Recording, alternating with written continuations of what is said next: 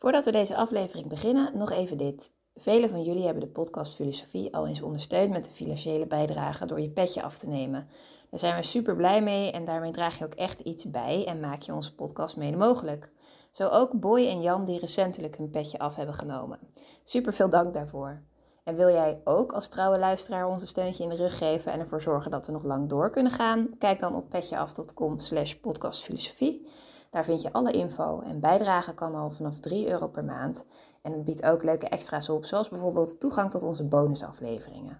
Maar voor nu, veel plezier met deze aflevering. Solidariteit wordt niet bereikt door onderzoek, maar door verbeelding.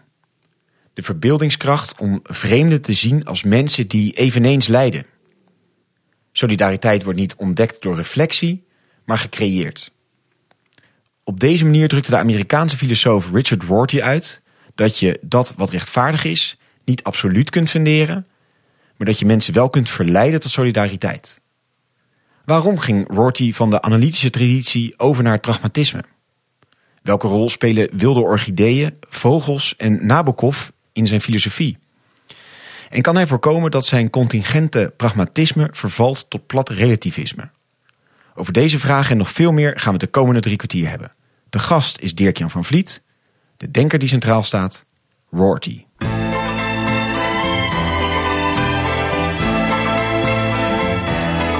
Vers les docks où le poids et l'ennui me courbent le dos. Dag, goed dat je weer luistert naar een nieuwe aflevering van de podcast Filosofie van het Centre Erasme. School voor Filosofie in Frankrijk, Vlaanderen en Nederland. Mijn naam is Allard Amelink en het concept is wel bekend. Een hoofdgast, een presentator en een sidekick. En ongeveer 45 minuten duiken we in het denken van één filosoof. En tegenover mij Jozef Vaanders. Goedemiddag. Bij jou, ja, hier nu goedemiddag inderdaad. Op het moment van opname. ja, precies. En, locatie van opname? Bij jou thuis. In Utrecht. In Utrecht.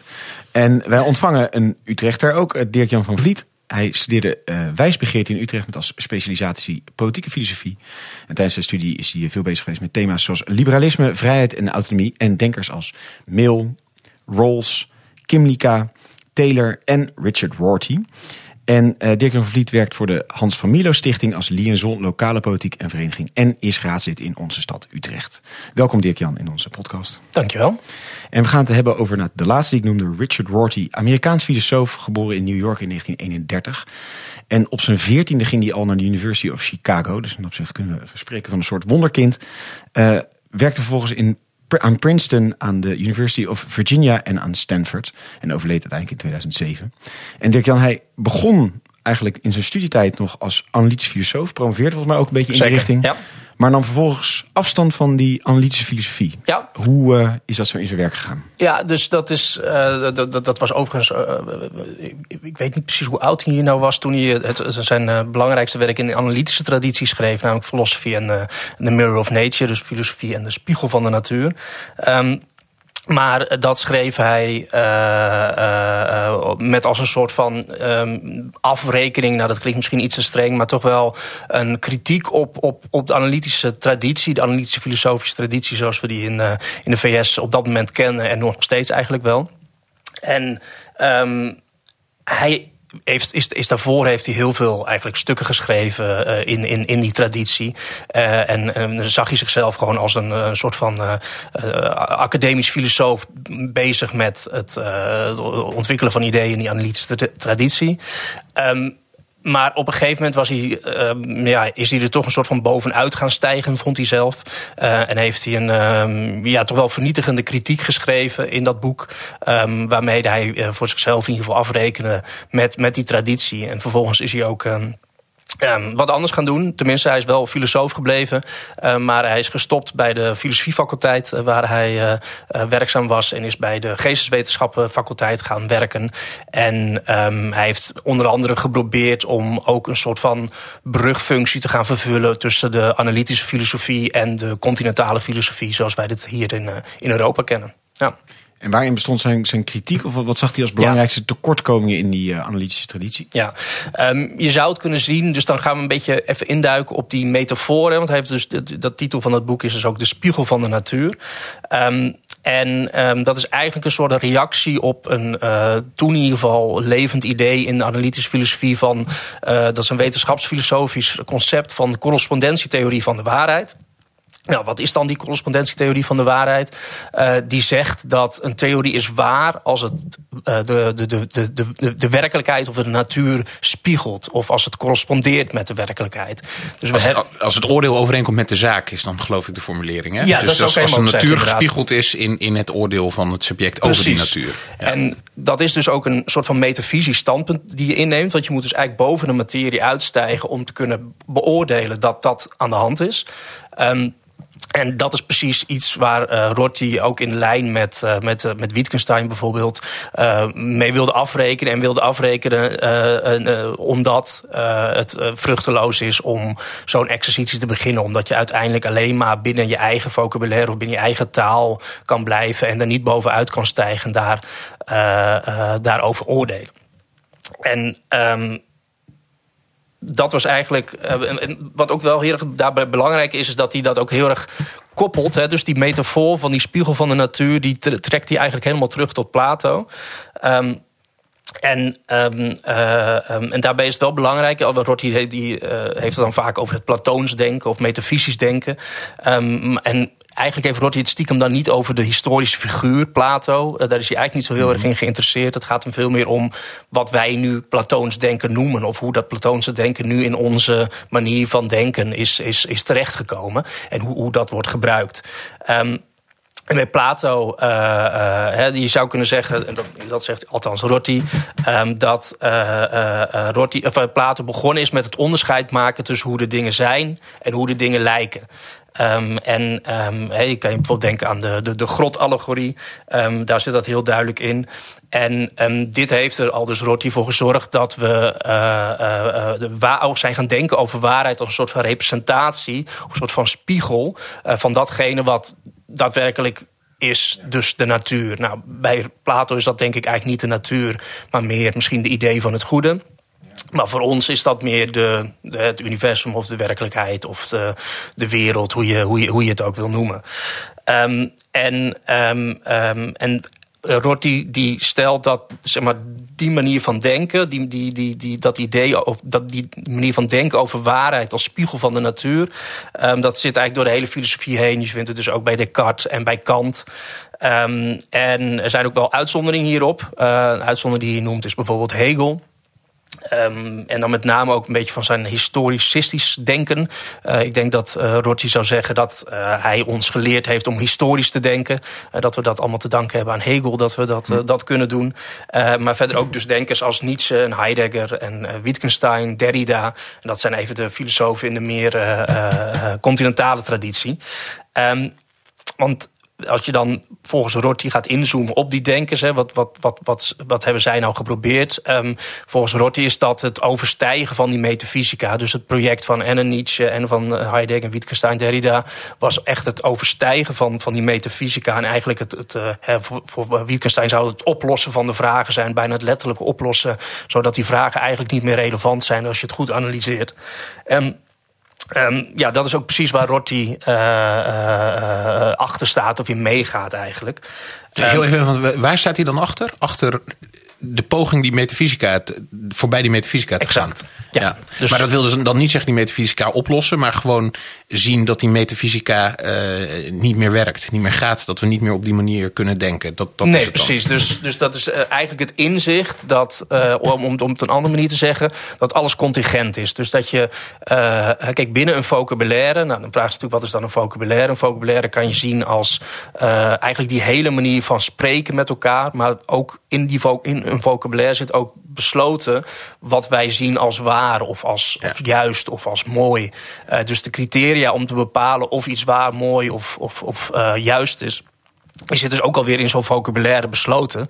Uh, en volgens Rotti is het niet mogelijk om eigenlijk boven zo'n vocabulaire uit te stijgen en dan vervolgens te zeggen van nou. Iets over iets absoluuts iets te zeggen. Ja, precies. Ja. En dan de volgende stap is natuurlijk, hè, dat iets absoluuts is dan vaak ook buiten de mens om. Dus volgens Rotti is er niet iets wat je door middel van de taal kan vinden, uh, out there, buiten, daarbuiten. Uh, Want jij bent nou eenmaal mens en afhankelijk van het instrumentarium exact. dat je hebt. En met één vraag en dan mm -hmm. nog over met contingent bedoel je gewoon hè, die, het, het niet noodzakelijke karakter van het ding. Precies. Hè? Dus, dat is wat je ermee bedoelt. Exact. Dus de toevalligheid. Het had net, zo goed, ja. net zo goed anders kunnen zijn. Ja. ja. ja. En daarin is hij dus niet de eerste. Hij ziet het eigenlijk dus net een, een langere traditie in. Uh, ontstuit hij per ongeluk zeg maar, op die traditie en denkt dan krijg ik nou wat, dan heb ik al die tijd het verkeerd gedacht? Of uh, voegt hij daar ja, echt iets nieuws aan toe? Ja, dat is een interessante vraag. Hij heeft zelf wel eens uh, gezegd dat hij nog nooit een origineel idee heeft gehad. Uh, maar ik denk dat hij daar toch iets te, te, te bescheiden in... ja, of te weinig zelfkritisch of te bescheiden was. Um, maar, dat was een contingente opmerking. Ja, ja, precies, ja. Nee, maar... Um, um, wat, hij vervolgens gedaan heeft eigenlijk. Hè, dus je hebt dat, dat boek, die Philosophy and the Mirror of Nature.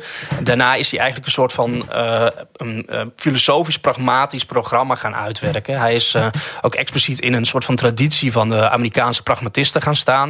En dan kan je dus weer denken aan William James en Peirce en Dewey.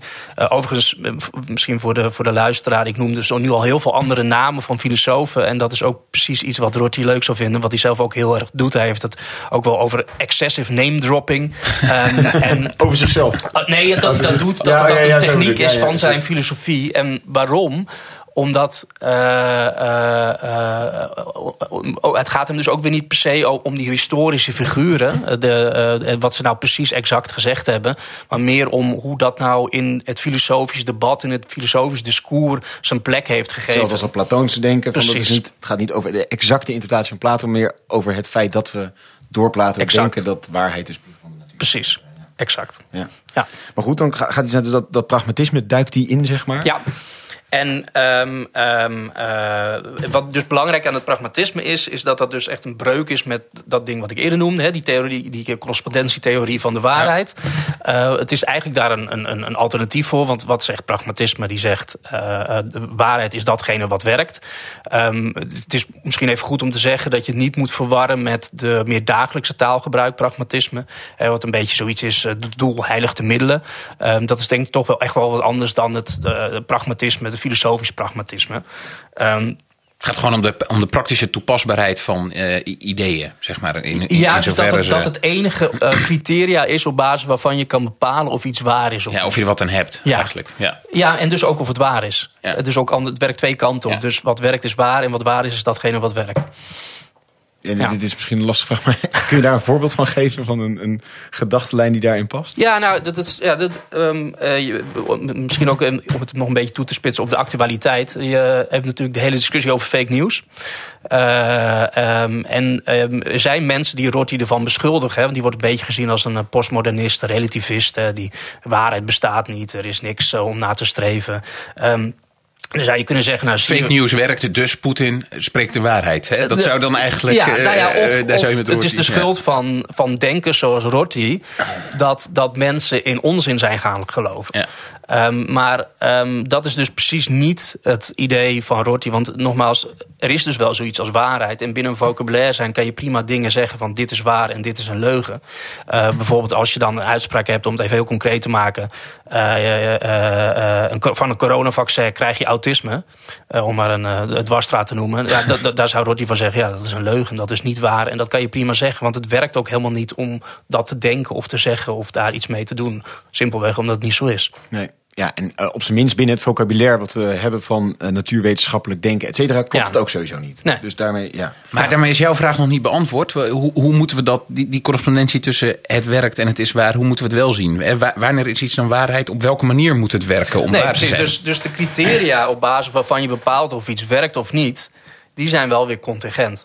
Uh, dus uh, dat, dat hangt er vanaf welke doelen je die hebt. En dat is misschien wel een mooi bruggetje naar um, uh, de, de, een soort van archetype, een soort van figuur die Rotti introduceert in, um, uh, in een boek Contingency, Irony and Solidarity. Die is overigens ook vertaald naar het Nederlands. de meeste zijn niet vertaald naar het Nederlands. Um, Daarin introduceert hij een soort van figuur, namelijk de liberale ironicus. En um, um, nou, wat is dat dan? Is misschien het deel over de ironicus.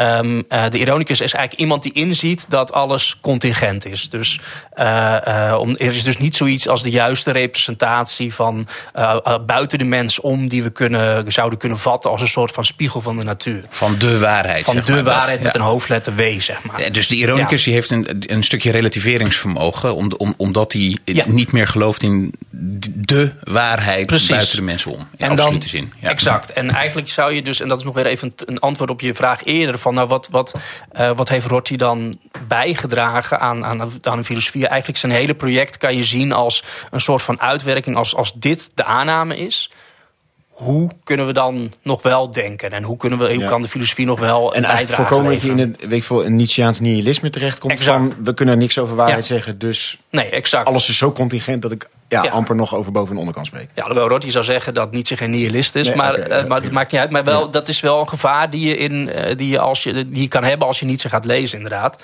En misschien is het wel aardig om heel kort even... Uh, om nog even te begrijpen waarom Rotti nou met dit figuur... van die liberale ironicus komt. Um, even een paar dingen over zijn privévoorkeuren, om het zo maar te zeggen. Um, hij heeft een artikeltje geschreven, Rotti en de wilde orchideeën. En, um, heeft hij zelf geschreven? Dat heeft hij een autobiografisch stuk. Oh, het klinkt alsof iemand anders over nee, en de wilde nee, Maar hij heeft het over zichzelf nee, geschreven. Dus, ja. Ik en de wilde orchidee. Ja, ja, dat is toch uh, ja, dat, dat, is wel opmerkelijk inderdaad. maar goed. Um, uh, en daarin vertelt hij dat hij uh, als jong kind had hij een soort van voorliefde om de natuur in te, in te lopen en op zoek te gaan naar wilde orchideeën. En nou, die zijn heel erg zeldzaam. Dus op het moment dat je die vindt, dat is dan heel bijzonder. Nou, en dan raakt hij daar helemaal van, van in extase. Uh, en, en dat soort type ervaringen kwamen later in zijn leven eigenlijk ook wel terug. Uh, bij als hij bijvoorbeeld Nabokov leest. Hij is groot fan van Nabokov. Um, maar ook vogelspotten. Het is ook een, een, een vogelspotter. Um, maar tegelijkertijd is hij ook uh, marxistisch opgevoed. Tenminste wel van het snit van de, Trotsky, van de Trotsky-lijn. Dus Trotskyianen. Zijn ouders waren Trotskyianen of Trotskyisten. Ik weet niet eigenlijk hoe je dat, hoe je dat zegt. Um, ja, trot, ja, Trotskyisten. Trotskisten, denk ik. Oh ja, nou ja, die, die dus in ieder geval. Ja, fans van Trotsky. Um, en uh, daarin heeft hij heel sterk ook een drang naar sociale gerechtigheid ontwikkeld, zegt hij, zegt hij zelf. En een consequentie van Rorty's denk van het pragmatisme... dat er dus ook niet zoiets is als een punt buiten de mens... Uh, uh, betekent dus ook dat um, uh, wat voor ons mooi en belangrijk is. Hè, dus hij vond enerzijds vond hij die drang naar sociale gerechtigheid vond hij belangrijk. Maar anderzijds toch ook wilde hij een plek geven aan, aan die verwondering, ex, verwondering en, en, extase. En dus de, de, de hele jonge Rorty die was eigenlijk op zoek naar dat punt buiten de mens, uh, waaruit alles vanzelf voortvloeit. En dat je dan een, een, het is een soort van eenheidsdenken, waar je uiteindelijk die en die extase en die drang naar sociale gerechtigheid een plek kan geven. Um, maar dus verderop in Rotti's leven, dus de iets minder oude Rotti, um, uh, die kwam dus met dat idee van uh, uh, er is niet zoiets als zo'n punt. En er kwam dus een nieuwe vraag voor Rotti op, namelijk um, als er geen punt is buiten de mens, dus geen punt waar Precies, de Platoons of de Kant Kantiaanse filosofie naar op zoek is, waaruit zowel het ware als het schone, als het juiste zeg maar allemaal uit, uit voortvloeien. Hoe kan je dan toch die twee dingen die hij belangrijk vindt, uh, onderdeel maken van je leven als filosoof. Ja. En, nou, en toen heeft hij de, de liberale ironicus ges, geschapen. Um, en nou, zoals ik net al zei over die ironicus is dus iemand die uh, inziet dat, dat alles contingent is. Uh, we kunnen dus niet met, hè, met een soort van spiegel of we kunnen niet met ons vernuftige kennis en kunde in direct contact komen met, met, met die buitenwereld en hoe de dingen werkelijk zijn. Um, en, en, en ziet hij die, dat inzicht vergaren ook als een soort wending die je door moet maken of een inzicht moet krijgen, zoals hij dat misschien zelf enigszins heeft doorgemaakt? Of, of... Ik, ik, nee, hij doet, doet daar denk ik geen uitspraken over voor andere mensen. Hij vertelt in ieder geval wel over zichzelf hoe dat zo gegaan is, inderdaad. Um, het is wel zo, dus hij introduceert dat figuur van de liberale ironicus. Um, en hij zegt ook wel, je kan ironicus zijn zonder liberaal te zijn... en je kan dus ook liberaal zijn zonder ironicus ja. te zijn. Um, En uh, wat misschien ook wel belangrijk is bij die ironicus... is dat het ook wel... Uh, um, het klinkt misschien oneerbiedig, maar ik denk dat hij dat zelf ook zou zeggen... maar dat, is best, die zijn, dat zijn ook snops. In de zin van dat ze de moeilijke boeken lezen... en inderdaad uh, de, de, van wilde orchideeën houden... van vogelspotten houden en Nabokov lezen, zeg maar. Um, dus, dus dat, zijn ook niet, dat, dat is niet de meerderheid van, van, van de mensheid. Um, dus het is, en, en dat is helemaal prima. Rotje zou ook helemaal niet willen zeggen... dat iedereen een liberale ironicus moet zijn. Hij zegt alleen maar als je ziet dat alles contingent is en je streeft naar sociale gerechtigheid, nou dan is dit misschien een manier om, om dat te doen. Nou, nou heel even, want die, die, ironische pol die is me duidelijk. Ja. Maar, uh, nu die liberalen. Ja, precies. Daar, daar gaan we nu naar. Wat, wat, wat, betekent die liberalen? Dus um, uh, ten eerste is even heel goed om op te merken dat uh, Rotti noemt zichzelf een liberal, maar dat is dus echt in die Amerikaanse context. Dus dat is juist links. En uh, Rotti plaatst zichzelf denk ik aan de linkerflank van links. de, voor, voor ons klinkt liberaal natuurlijk rechts, ja. maar dat is echt in die, in die Amerikaanse context. Um, ja, Roddy komt eigenlijk wel um, uh, met een eigenaardige definitie van wat, wat, wat een liberaal inhoudt. En hij koppelt dat ook dus uh, niet zozeer aan zoiets als rechtvaardigheid, maar veel meer aan solidariteit. Nou, ik noemde dat boek al, uh, contingentie, ironie en solidariteit. Dat zijn eigenlijk die drie pijlers daarin. Um, en de vraag is natuurlijk een beetje van... Uh, Rotti zou stellen dat hij vanuit zijn pragmatisme... tot een definitie komt van wat een liberaal is. Die definitie is dan, dat is iemand die streeft... naar het zoveel mogelijk verminderen van individueel lijden. Um, en je kan je afvragen, van, nou, waarom komt dat dan voort uit zo'n pragmatisme? Um, en dat komt omdat je als pragmatist dus niet zoiets hebt als een moraliteit die losstaat van de mens die we kunnen ontdekken of die we kunnen kennen. Um, en uh, Rorty gelooft dus ook niet in iets zoiets als universele waarheden of essenties van de mens waaruit we kunnen afleiden hoe, hoe, hoe, de dingen juist zijn. En om daar even een voorbeeld van te geven, uh, bijvoorbeeld voor Rorty zijn mensenrechten ook niet universeel in de, in de filosofische zin. Uh, ze zijn wel universeel in de zin van dat hij ze heel belangrijk vindt en een heel sterk en krachtig middel maar vindt. Die, die mensenrechten zitten ook niet ergens. Dus die hebben wij zelf, ja. die, dat is, dat is man-made, zeg maar, om het zo maar te zeggen. Dat is niet iets wat we ontdekt hebben. Uh, dat is gewoon iets wat we zelf verzonnen hebben. Uh, wat niet betekent dat het verkeerd is. Sterk nog, het is heel goed dat, dat het er is. Um, en, en daar moeten we hard op inzetten. Maar het is dus niet iets wat ons iets geleerd heeft over iets wat buiten de mens ligt. En, zo, en, en, een liberaal is dus ja. iemand die streeft naar zo min mogelijk lijden eigenlijk voor... Precies. De... Hij is wel al inderdaad een, een heel ongebruikelijke definitie ja. van een ja. liberaal. Hè? Zo zouden wij hem nooit definiëren. Nee, ik zou zo Mark Rutte hem niet nee. neerzetten. Nee, nee, maar, maar, maar, maar, ook de Europese liberale uh, theoretici niet. Zeg maar. Of de hele traditie van het liberalisme eigenlijk niet. Nee, nee, vrijheid precies. komt hier niet in voor. Het gaat om het verminderen van de precies. En, leed van anderen. Ja. Um, en waarom komt hij hier nou bij? Uh, uh, dat, dat, heeft er eigenlijk mee te maken dat hij, wat, hij geprobeerd heeft, is een soort van gaan nadenken. Oké, vanuit die pragmatische uh, veronderstellingen, wat is dan eigenlijk een soort van nog het hoogste abstractieniveau waarvan we wat kunnen zeggen over sociale gerechtigheid en hoe we dat moeten, hoe we dat moeten teweeg brengen.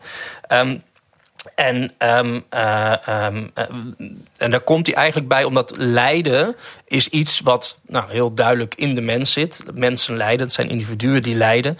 Uh, en het heeft dus ook niks te maken met iets wat buiten de mens ligt. Um, en het heeft ook niks essentialistisch of, of iets wat te maken heeft met de, de, de, de, de ware eeuwige essentie van de mens. En tegelijkertijd werkt het ook heel goed op het empathische vlak. Op veel meer op dat, op de, en daarom gebruikt hij ook expliciet het woord solidariteit. Uh, en bijvoorbeeld niet rechtvaardigheid. Um, nee, dat doet hij omdat hij uh, uh, uh, bij rechtvaardigheid zou je kunnen denken van dat gaat veel meer om argumenten. Dus als je John Rawls leest, dan heb je een, een eindeloze opsomming van allemaal harde argumenten waar je ongetwijfeld wel hier en daar wat tegen in kan brengen. Um, maar sommige argumenten zijn ook gewoon heel erg sterk. Um, maar voor Rotti is er niet meer zoiets als, als harde argumenten. Want harde argumenten zit toch altijd een soort van de zweem in van... ja, ja. Dat, dat is waarheid met een hoofdletter W. En als ja, ik het is in alle argument... plaatsen onjuist dat dit gebeurt Precies. of juist dat dat gebeurt. Ja. Ja, ja, En um, um, ja, voor Rotti gaat het dus ook bij het streven naar die sociale gerechtigheid... en dus het verminderen van lijden ook veel meer om verleiden in plaats van argumenten. Um, hij zegt ook ergens, uh, schrijft hij dat... Uh, uh, je bijvoorbeeld, uh, stel je bent in discussie met een natie over de dingen waarom, die, over de dingen die de nazi's vinden, zeg maar. die kan je niet overtuigen met argumenten. Je kan niet zeggen, ja, maar hier kijk, Rawls, Uh, Dus uh, je, je zit vermoord geen joden. En, en, en, en, dat een nazi dan zegt, oh ja, oké. Okay, nou, ik had het niet helemaal goed gezien. Nee, zo werkt dat niet. Dus het, het, enige wat je hooguit kan doen... Is, is hem verleiden om over te stappen naar je vocabulaire. Dus het dagboek van Anne Frank laten lezen. En dan, exact. nou, mooi voorbeeld, want dat is in precies wat Rorty zou voorstellen. Die zegt van literatuur is daar veel krachtiger in. dit heeft dan niet zoveel met nazi's te maken... maar bijvoorbeeld het werk van Charles Dickens... is natuurlijk een heel mooi voorbeeld... die ons gevoelig heeft gemaakt voor, het lijden van armoede en voor de arbeidersklasse. Um, en uh, ja, Roddy zou zeggen dat, hij daar veel meer, uh, dat, je, dat we daar veel meer op moeten inzetten. Maar dat zit dus ook wel daarachter zit die, die, pragmatische overtuiging. Omdat er überhaupt niet zo is, iets is als, als het, het, het, enige juiste argument waarmee we mensen kunnen, kunnen overtuigen. En, en, en sorry, dan ga je Jozef. Ja, nee, ik vroeg me even, uh, uh, want ik, ik, voel deze helemaal mee. Ik ben het er ook helemaal mee eens. Uh, dus dat is geweldig. maar, heeft, hij, heeft hij goed gezien, hè, ja. ja. Maar waar haalt hij dat idee van sociale rechtvaardigheid vandaan? Daar ben ik ja. toch wel nieuwsgierig naar. Want hij kan dat waarschijnlijk niet funderen. Treft nee. hij het in zichzelf aan? Of daar, daar moet hij op gereflecteerd hebben. Ja, dus dat is niet hard, dat is wat. wat hoe nee, dus dat is. Um, uh, dus dat, dat, dat zit dus biografisch, heb ik dat net geprobeerd uh -huh. uit te leggen. Dus dat is duidelijk. Maar de vraag is natuurlijk meer van ja, waarom vind je dan dat andere mensen dat ook moeten vinden? Ja, en is dat um, niet uiteindelijk ook gewoon net zo contingent als het andere? Exact, Want waarom, ja. waarom die solidariteit ja. Ja, dus ik dat, zeggen, ik ben niet solidair. Ja. Boeien. Dus ja. kijk, precies. En dan, dat, het gevaar daarin is dat je dus uh, te, relatief, te relativistisch kan worden. En dat ziet Rotje ook bijvoorbeeld. Dat je zegt van, um, kunnen we een voorbeeld noemen. Um, uh, uh, hoe, hoe heet dat ook weer als je vrouw, vrouwenbesnijdenis? Ja. Dat is in, in, in, sommige culturen een praktijk. En je hebt natuurlijk echte hardcore cultuur, cultuurrelativisten die zeggen, die zeggen mag ja. je niet over oordelen, is in die cultuur, hebben wij niks mee te maken. Nou, dat zou Rotti dus absoluut niet, uh, niet willen voorstellen. Um, omdat je binnen dat vocabulaire dat je hebt, dus binnen jouw overtuiging die je hebt, vind je gewoon wat je vindt. En dat mag je prima uitdragen. Um, en, um, uh, uh, en als je dan wordt gevraagd van waarom, hè, waar, waar, waarom wil je dat dan uitdragen? Het enige wat je dan kan doen, is mensen verleiden van nou zie je wel, hierdoor uh, de, de, dus zo'n praktijk als, als vrouwenbesnijdenis, dat geeft gewoon heel veel lijden. Dus dat moeten we niet willen. Ja, dus hij kan het niet funderen, nee. maar hij probeert hij zegt eigenlijk, maar je kan andere mensen proberen te, te, te, te verleiden tot je eigen contingente discours. Exact. Dat, dat zegt hij eigenlijk. Ja. Maar en, dat blijft dus altijd wel een, een verleiding inderdaad waar mensen op ook ongevoelig voor kunnen ja, zijn. Precies. Ze kunnen er ook ongevoelig voor nee, zijn. Natuurlijk. Ja. Dus, dus ook weer het voorbeeld misschien net van de, van de natie, zeg maar. Ja, die, kan, die zegt, nou ja, ik heb, uh, ik heb Anne Frank gelezen. Maar van een slecht boek. Ja. ja. Voel ik maar helemaal meer gemotiveerd. Ja. Ja. Nee, precies. Dus dat zou kunnen. En, en dat, dat is voor filosofen is dat natuurlijk... en daar reageert Rorty ook een beetje op... dat voor filosofen worden daar heel zenuwachtig van. Want die denken van ja, nee, maar ik moet toch nu een argument kunnen geven... waar het uit blijkt dat het, dat, dat het gewoon niet klopt. Uh, en, en Rorty zegt dan ook in, dus in, de, in de traditie met Wittgenstein... van ja, dat, dat, dat, dat, ga je, dat gaat je niet lukken. Nee. Is hij nou dan, we vragen even naar die plek, van, is hij de eerste die zegt dat deze inslag van die liberale ironicus, met nogmaals dat liberale met echt een andere inslag, is dat iets unieks wat hij neerdoet? Want eigenlijk wat hij probeert te doen is dat dus toch iets te funderen van dat die universele tussen aanhalingstekens mensenrechten is dat zeg maar waarin hij ziet van daar zit een gat, daar moet ik iets mee? Of is dat uiteindelijk ook een hele school die daar zich al lang mee bezig hield en waar hij een, eigen accent in legt? Um, ik denk dat, nou ja, dus, dus uh, het idee dat, uh, dat je dat soort dingen niet kan funderen, dat is in, in de, voor het dagelijks taalgebruik, gewoon hoe mensen met elkaar communiceren, is dat eigenlijk heel erg voor de hand liggend. En denk je inderdaad van ja, zo zit dat. Wordt hij is eigenlijk ook een soort van meester in de, de common sense articuleren op een, op een heel ingewikkeld filosofisch niveau. Um, alleen je ziet juist binnen die filosofische traditie. Um, je hebt bijvoorbeeld, ik weet niet of je die kent, maar dat is een filosoof die heet Alan Gworth. Daar is uh, Rorty ook heeft hij uh, bij gestudeerd. En die uh, probeert dus uh, mensenrechten te uh, funderen door middel van argumenten op basis van menselijk handelen. Dus dat je een soort van logisch systeem krijgt, à la godsbewijzen. dus zie je wel, de mens kan handelen, dus daaruit volgt dat. En dan heel veel stappen ertussen en dan kom je uiteindelijk op mensenrechten terecht. dat is dus precies wat Rotti zou zeggen. Van, ja, dat, eh, één, heeft het geen zin. En twee, uh, slaat het ook nergens op. Nee. Um, uh, want één, je gaat de mensen niet mee verleiden. Maar dan zou, dat betekent natuurlijk nog niet dat het niet klopt. En het tweede ding is, het klopt ook niet. Nee, ja, precies. Dus, en het Ja. werkt niet misschien, Ja. maar... Ja. Ja. Dus lost beide polen van, van de pragmatische correspondentietheorie slaat het de plank mis. Dus het werkt niet en het is niet waar. Ja. Dus het is gewoon, ja, maar dat is zo wel een beetje een uh, tautologie natuurlijk. Omdat wat waar is, wat Ja, werkt, ja, wat ja, is waar. Ja, Ja, ja. maar dat, is, dat, is, dat zit dus ook weer in die ironicus besloot. Dat is iemand inziet die uiteindelijk... Je, als je helemaal gaat graven naar de diepste bodem... dan kom je op tautologie uit. Want? Uh, omdat uh, uh, je niet verder kan, kan beargumenteren. Omdat er dus Nee. niet uiteindelijk een stap is die je kan maken... waardoor je kan zeggen, en, en zo zitten de dingen daadwerkelijk ja, hier in elkaar. op, op een solide grond uit van dus Precies. de kern van alle En hier zaken. weet ik zeker dat het zo zit. Ja, en, en als hij dan kijkt naar vanuit zijn... maakt hij ook vervolgens een politieke vertaalslag, zeg maar? Kijkt hij dan ook naar de dagelijkse politieke praktijk om hem heen? Ja, wel en ziet hij daar ook ja. dat daar actie op nodig is of anders nodig is om vanuit deze gedachte? Of is het in die zin een theoretische exercitie?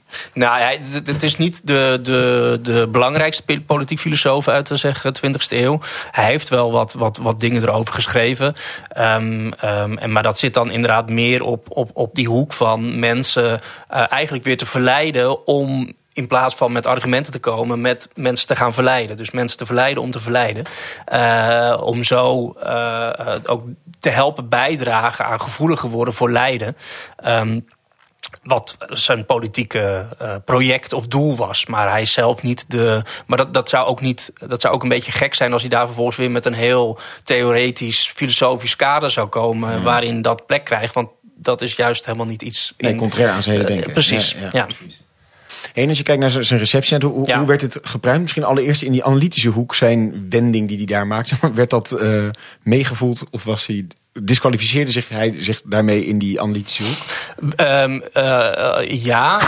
Oké, helder. Uh, dus, um, maar goed, ik zei natuurlijk al dat hij is, maar dat heeft hij ook zelf gedaan. Hij is dus ook uit die, uh, ja. die wereld gestapt en, natuurlijk wel in de universitaire wereld blijven zitten. maar um, de, de, de, de analytisch filosofen van die tijd in ieder geval, in ieder geval van toen dat boek, dat is even uit mijn hoofd, dat heb ik hier ergens staan volgens mij 79. Ja, dat is in 79 gepubliceerd. Nou, in eerste instantie is daar weinig van, van aangetrokken. Zijn mensen gewoon verder gegaan met waar ze mee bezig waren. Wat je wel vaker ziet als er uh, fundamentele kritiek komt op een bepaalde filosofische stroming. Uh, maar inmiddels zie je wel, en ik denk dat uh, Robert Brandom is een Amerikaanse filosoof die er heel veel aan gedaan heeft. Ook een leerling van Rorty. Um, uh, die heeft er wel heel veel aan gedaan om uh, ook in zijn eigen denken, in zijn eigen werk, de, verder te gaan met waar Rorty gebleven was eigenlijk. Um, Brandom heeft ook nog recent, dat is vorig jaar geweest, postuum een, een, bundel van artikelen, van nieuwe artikelen van Rorty uitgebracht, die nog niet in het Engels waren gepubliceerd. Dus die, die probeert wel echt dat een plek te geven in de geschiedenis van de Amerikaanse traditie dan. En van de continentale traditie, of hier in, in Europa, is het uh, Philosophy in the Mirror of Nature is sowieso niet zo interessant, omdat die allemaal filosofen behandelt die, als je alleen maar continentaal bent, gewoon niet kent. Nee, en dus afrekend um, met de wereld waar je dacht, dat precies, ken, die ja, ik toch wel niet. Vond ik toch ja. onzin? Nee, ja. ja. Maar, uh, uh, um, maar zijn boek Contingency, Irony and Solidarity, die is wel redelijk breed gelezen, denk ik, ook in Europa.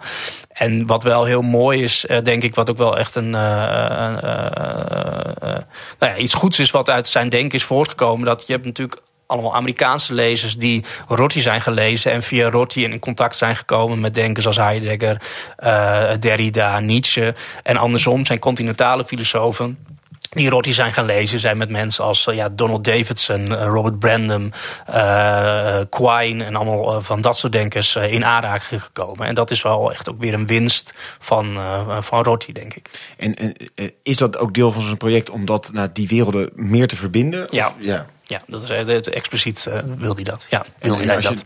Daar welke vruchten heeft dat opgeleverd of zo? Zeg maar, lukt dat om die werelden naar dicht bij elkaar te brengen? Je zegt de ene leert de, de ene wereld Ja. leert de andere wereld kennen. Ja, en het staat ook natuurlijk in die zin wel haaks op elkaar. Dat de, de, zeker de analytici hebben natuurlijk heel veel moeite met contingentie. Ja, Dus het, het, Ja. het- het- ja, Ja. er zit heel veel, heel veel spanning punt. Ja. Ja, nee, ja het- het, ehm, wat de huidige status van de analytische filosofie in de VS op dit moment, dat, dat, dat, dat, dat, dat is niet mijn expertise, dus dat zou je niet mij moeten vragen. Maar ehm, ik denk wel dat eh, eh, ehm, eh, het, het, het debat een soort van rijker is geworden, omdat ook de, de manier waarop je als Amerikaan in contact kan komen met een, een, een Derrida bijvoorbeeld, dat het makkelijker is. Overigens moet er wel bij zeggen dat de continentale filosofen vaak heel kritisch zijn. Dus de Derrida-experts en de Heidegger-experts en de uh, Nietzsche-experts zijn heel kritisch op hoe Rorty uh, hun interpreteert. Hun interpreteert. Maar Ja. goed, dan is dus weer vanuit het idee dat hij niet zozeer bezig is met de historische figuur van, die, uh, van hun gedachtegoed uit, uit te venten. Maar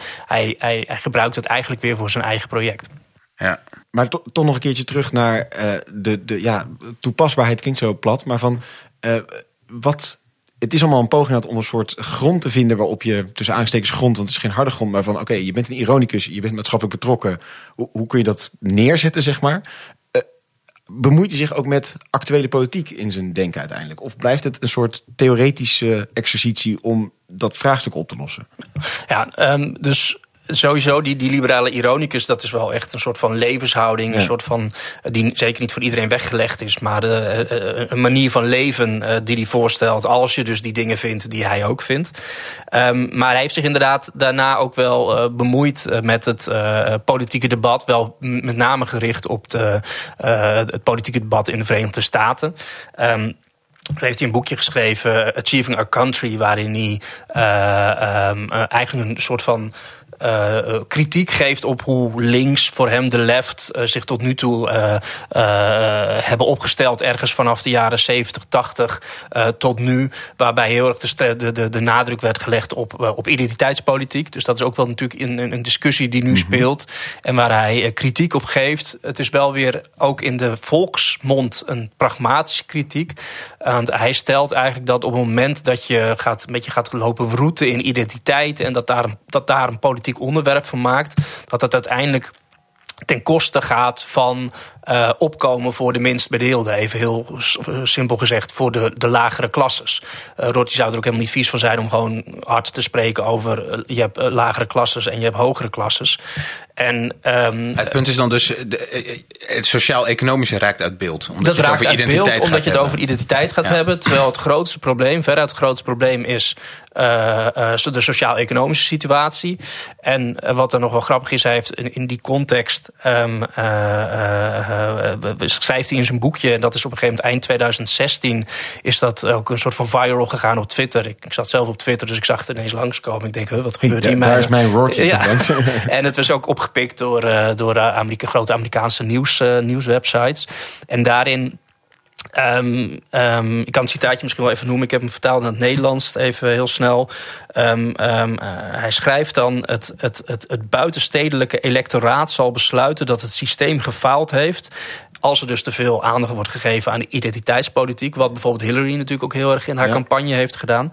Uh, zal besluiten dat het systeem gefaald heeft. En zullen gaan zoeken naar een sterke man om voor te stemmen. Iemand die van zins is om als hij verkozen wordt uh, af te rekenen met de smerige bureaucraten, advocaten, te veel betaalde aandelenhandelaars en postmoderne postmoderne filosofen, hm. zoals hemzelf. En dit schreef hij voor Trump? Dit schreef hij in 1998. Ja.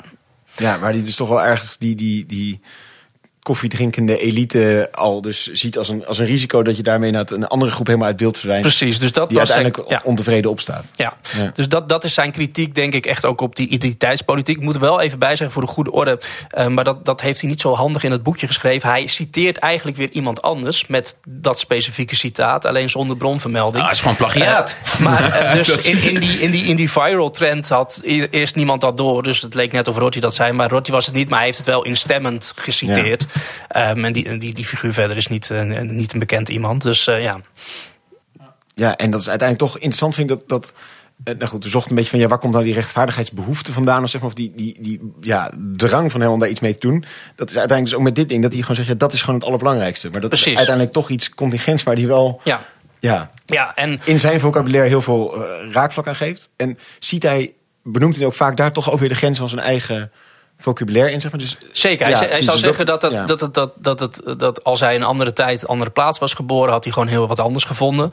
En tegelijkertijd, wat, uh, dat is wel ook een leidend, uh, leidend uh, thema bij hem, dat hij zegt van ook voor mensen zoals mij, die alles contingent vinden en inzien, vinden, kan het nog steeds zo zijn dat je vindt dat het de moeite waard is om te sterven voor onze democratische rechtsstaat.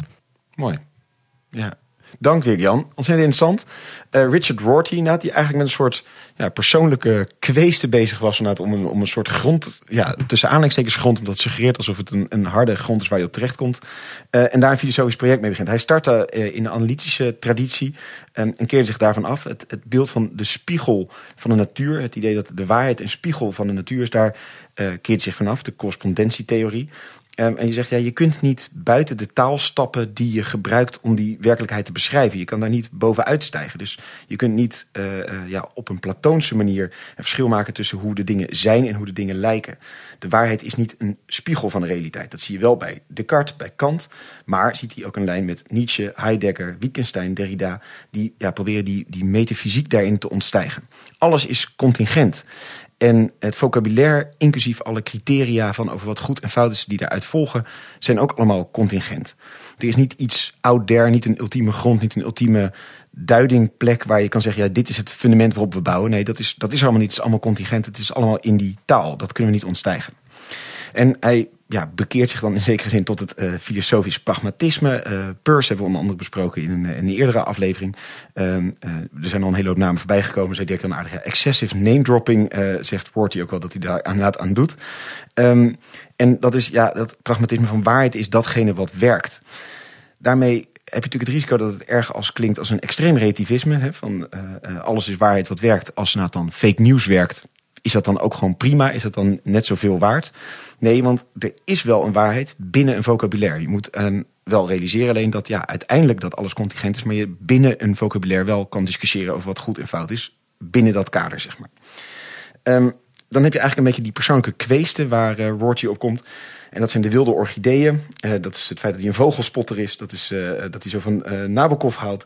Daar komt een soort extase uit voort. Een, een blijdschap. En ja, in een hele andere filosofische tijd zou je dat uitduiden uit een soort goddelijke bron. Waar wellicht al deze passies vandaan komen. Of een, een ultieme werkelijkheid daarbuiten. En daarnaast heeft hij een enorme sociale rechtvaardigheidsdrive. En ook daarvan zou je kunnen zeggen, natuurlijk, wat is het juist om te doen? Dan zou je kunnen zeggen, nou, is een soort ultieme bron waaruit blijkt wat al het juiste is. Maar uh, ja, daar zoeken naar dat ene punt, dat kan natuurlijk niet vanuit zijn, uh, zijn, zijn vernieuwde inzicht uit het pragmatisme. En dus zegt hij van ja, hoe kunnen we nou toch een plek vinden waarop deze zaken een, ja, logisch passen, zeg maar. En dan komt hij met de houding, zou je kunnen zeggen, van de liberale ironicus. Dat ironicus deel gaat over dat je inziet dat alles contingent is. Um, dus eigenlijk een beetje die wende hebt doorgemaakt, zeg maar, van dat je ziet dat alles niets anders is dan het vocabulaire. En daarnaast liberaal ironicus, niet liberaal in de uh, meer Europese liberale traditie, maar echt Amerikaans liberaal. Um, waarbij het eigenlijk gaat dat je streeft naar zo min mogelijk lijden. Um, hij zegt dus mee ja, dat dat min logische lijden is ook een soort de pragmatische versie eigenlijk van uh, liberaal denken. Dat gaat niet over een soort universele waarden die dus ook weer zijn, want die universele waarden zijn er niet. Nee, het gaat over een ja, toepasbaar uh, uh, zo min mogelijk lijden krijgen. En er zijn dus wel universele mensenrechten in de zin dat ze voor iedereen gelden, maar ze zijn niet universeel in de zin dat ze in de eeuwigheid al bestonden. Um, en lijden is zo nuttig, zeg maar, als een soort criterium, omdat het feit dat mensen lijden ja, echt is. Niet iets wat van heel ver buiten is, maar mensen zelf lijden. Dus het is iets heel tastbaars en echt. Als je dan zegt, wat is nou rechtvaardig? Is het rechtvaardig dat mensen lijden? Ja, dan ga je heel snel naar een soort argumentatie toe. Ga je toch proberen een soort harde grond te vinden van waarom iets dan rechtvaardig is of onrechtvaardig. Nee, dat werkt niet. Die harde argumenten kun je namelijk niet maken in de denkenlijn van Rorty. Maar je kan wel uh, vanuit een solidariteit denken. En dat gaat eigenlijk veel meer over het verleiden om mensen uh, te laten inzien dat uh, ja, andere mensen lijden en dat dat vervelend is. En als dus iemand een bepaalde denktrand aanhoudt, bijvoorbeeld noemden we een nazi, dan kun je wel gaan uitleggen dat zijn inzichten niet kloppen. Maar je kan veel beter eigenlijk het dagboek van Anne Frank laten lezen en ontdekken van hé, hey, wacht even, dat is ook een ander mens wat lijdt. En daarmee moet ik me toe verhouden. Dus het is veel meer een verleiden dan een overtuigen. Um, en uh, Dirk Jan noemt een mooi voorbeeld van Charles Dickens. Je kunt allemaal verhalen schrijven over armoede in Engeland, maar uiteindelijk doet dus dan literatuur ook veel meer. En dat past dus ook bij de persoonlijke geschiedenis van Worty, die net uiteindelijk die analytische filosofie verlaat, maar echt naar de geesteswetenschappen overstapt. Ehm, ja, waar zit die rechtvaardigheid dan? Waarom is dat zo belangrijk voor hem? Um, nou ja, hij zegt nou, dus binnen je vocabulaire kun je wel echt over goed en fout praten. En dus kun je wel zeggen, ja, het is belangrijk dat je uh, goed bent voor anderen, dat je een zachtheid hebt, dat je, het is vervelend dat mensen lijden. Uiteindelijk kun je daar dus ook buiten denken. Je kunt uiteindelijk zeggen, ja, ik, het boeit mij niet dat andere mensen lijden. Maar hij zegt, ja, binnen die eigen vocabulaire, daarin kun je wel gewoon zeggen dat dan dus dingen niet goed zijn. En dat je zegt, ja, eh, linksom of rechtsom, alles is contingent, maar binnen mijn vocabulaire kan dit echt niet. Hij brengt werelden samen, die continentale wereld en die analytische wereld. Um, en interessant dat hij uh, duidt ook naar de hedendaagse politiek in zijn tijd. Um, en ziet dan eigenlijk dat heeft er vooral een kritiek op links naar hoe identiteitspolitiek ja, de aandacht afleidt van uiteindelijk toch die allerbelangrijkste component, dat sociaal-economische zwakkeren, dat die de aandacht moeten krijgen. En de identiteitspolitiek gaat natuurlijk uiteindelijk ook weer heel snel over het vastpinnen van mensen. Um, Rorty is daarmee dus een, ja, een zoek toch eigenlijk een soort persoonlijke lijn zitten in, in uh, een wereld die niet in die zin een ultieme waarheid heeft die niet ergens buiten te vinden is. En toch ook een drive voor het goede en het, uh, het juiste voor anderen. En eigenlijk in die twee werelden probeert hij fantastisch bij elkaar te brengen. Dirk-Jan, dankjewel voor een heel helder verhaal volgens mij erover. En ontzettend boeiend volgens mij in een antwoord op een ja, zoektocht in een, uh, in een uh, langere uh, westers filosofische traditie. Ik vond het wel een heel contingent verhaal. ja, dus kijk maar wat je ermee doet. Ja. Het boeit allemaal helemaal niks. Binnen dit vocabulaire van de podcast was het toch mij een heel logisch en kloppend verhaal. Een juiste verhaal om te vertellen. Dankjewel ook Jozef. En jij natuurlijk heel hartelijk dank ook voor het luisteren. like vooral onze podcast ook in je podcast app. Geef een mooi aantal sterren als je ons waardeert. Dan vinden mensen ons weer beter. Deel ons op social media als je dat leuk vindt en daarop zit. En heel graag ook weer tot een volgende keer. Emmenez-moi au bout de la terre, emmenez-moi au pays des merveilles. Il me semble que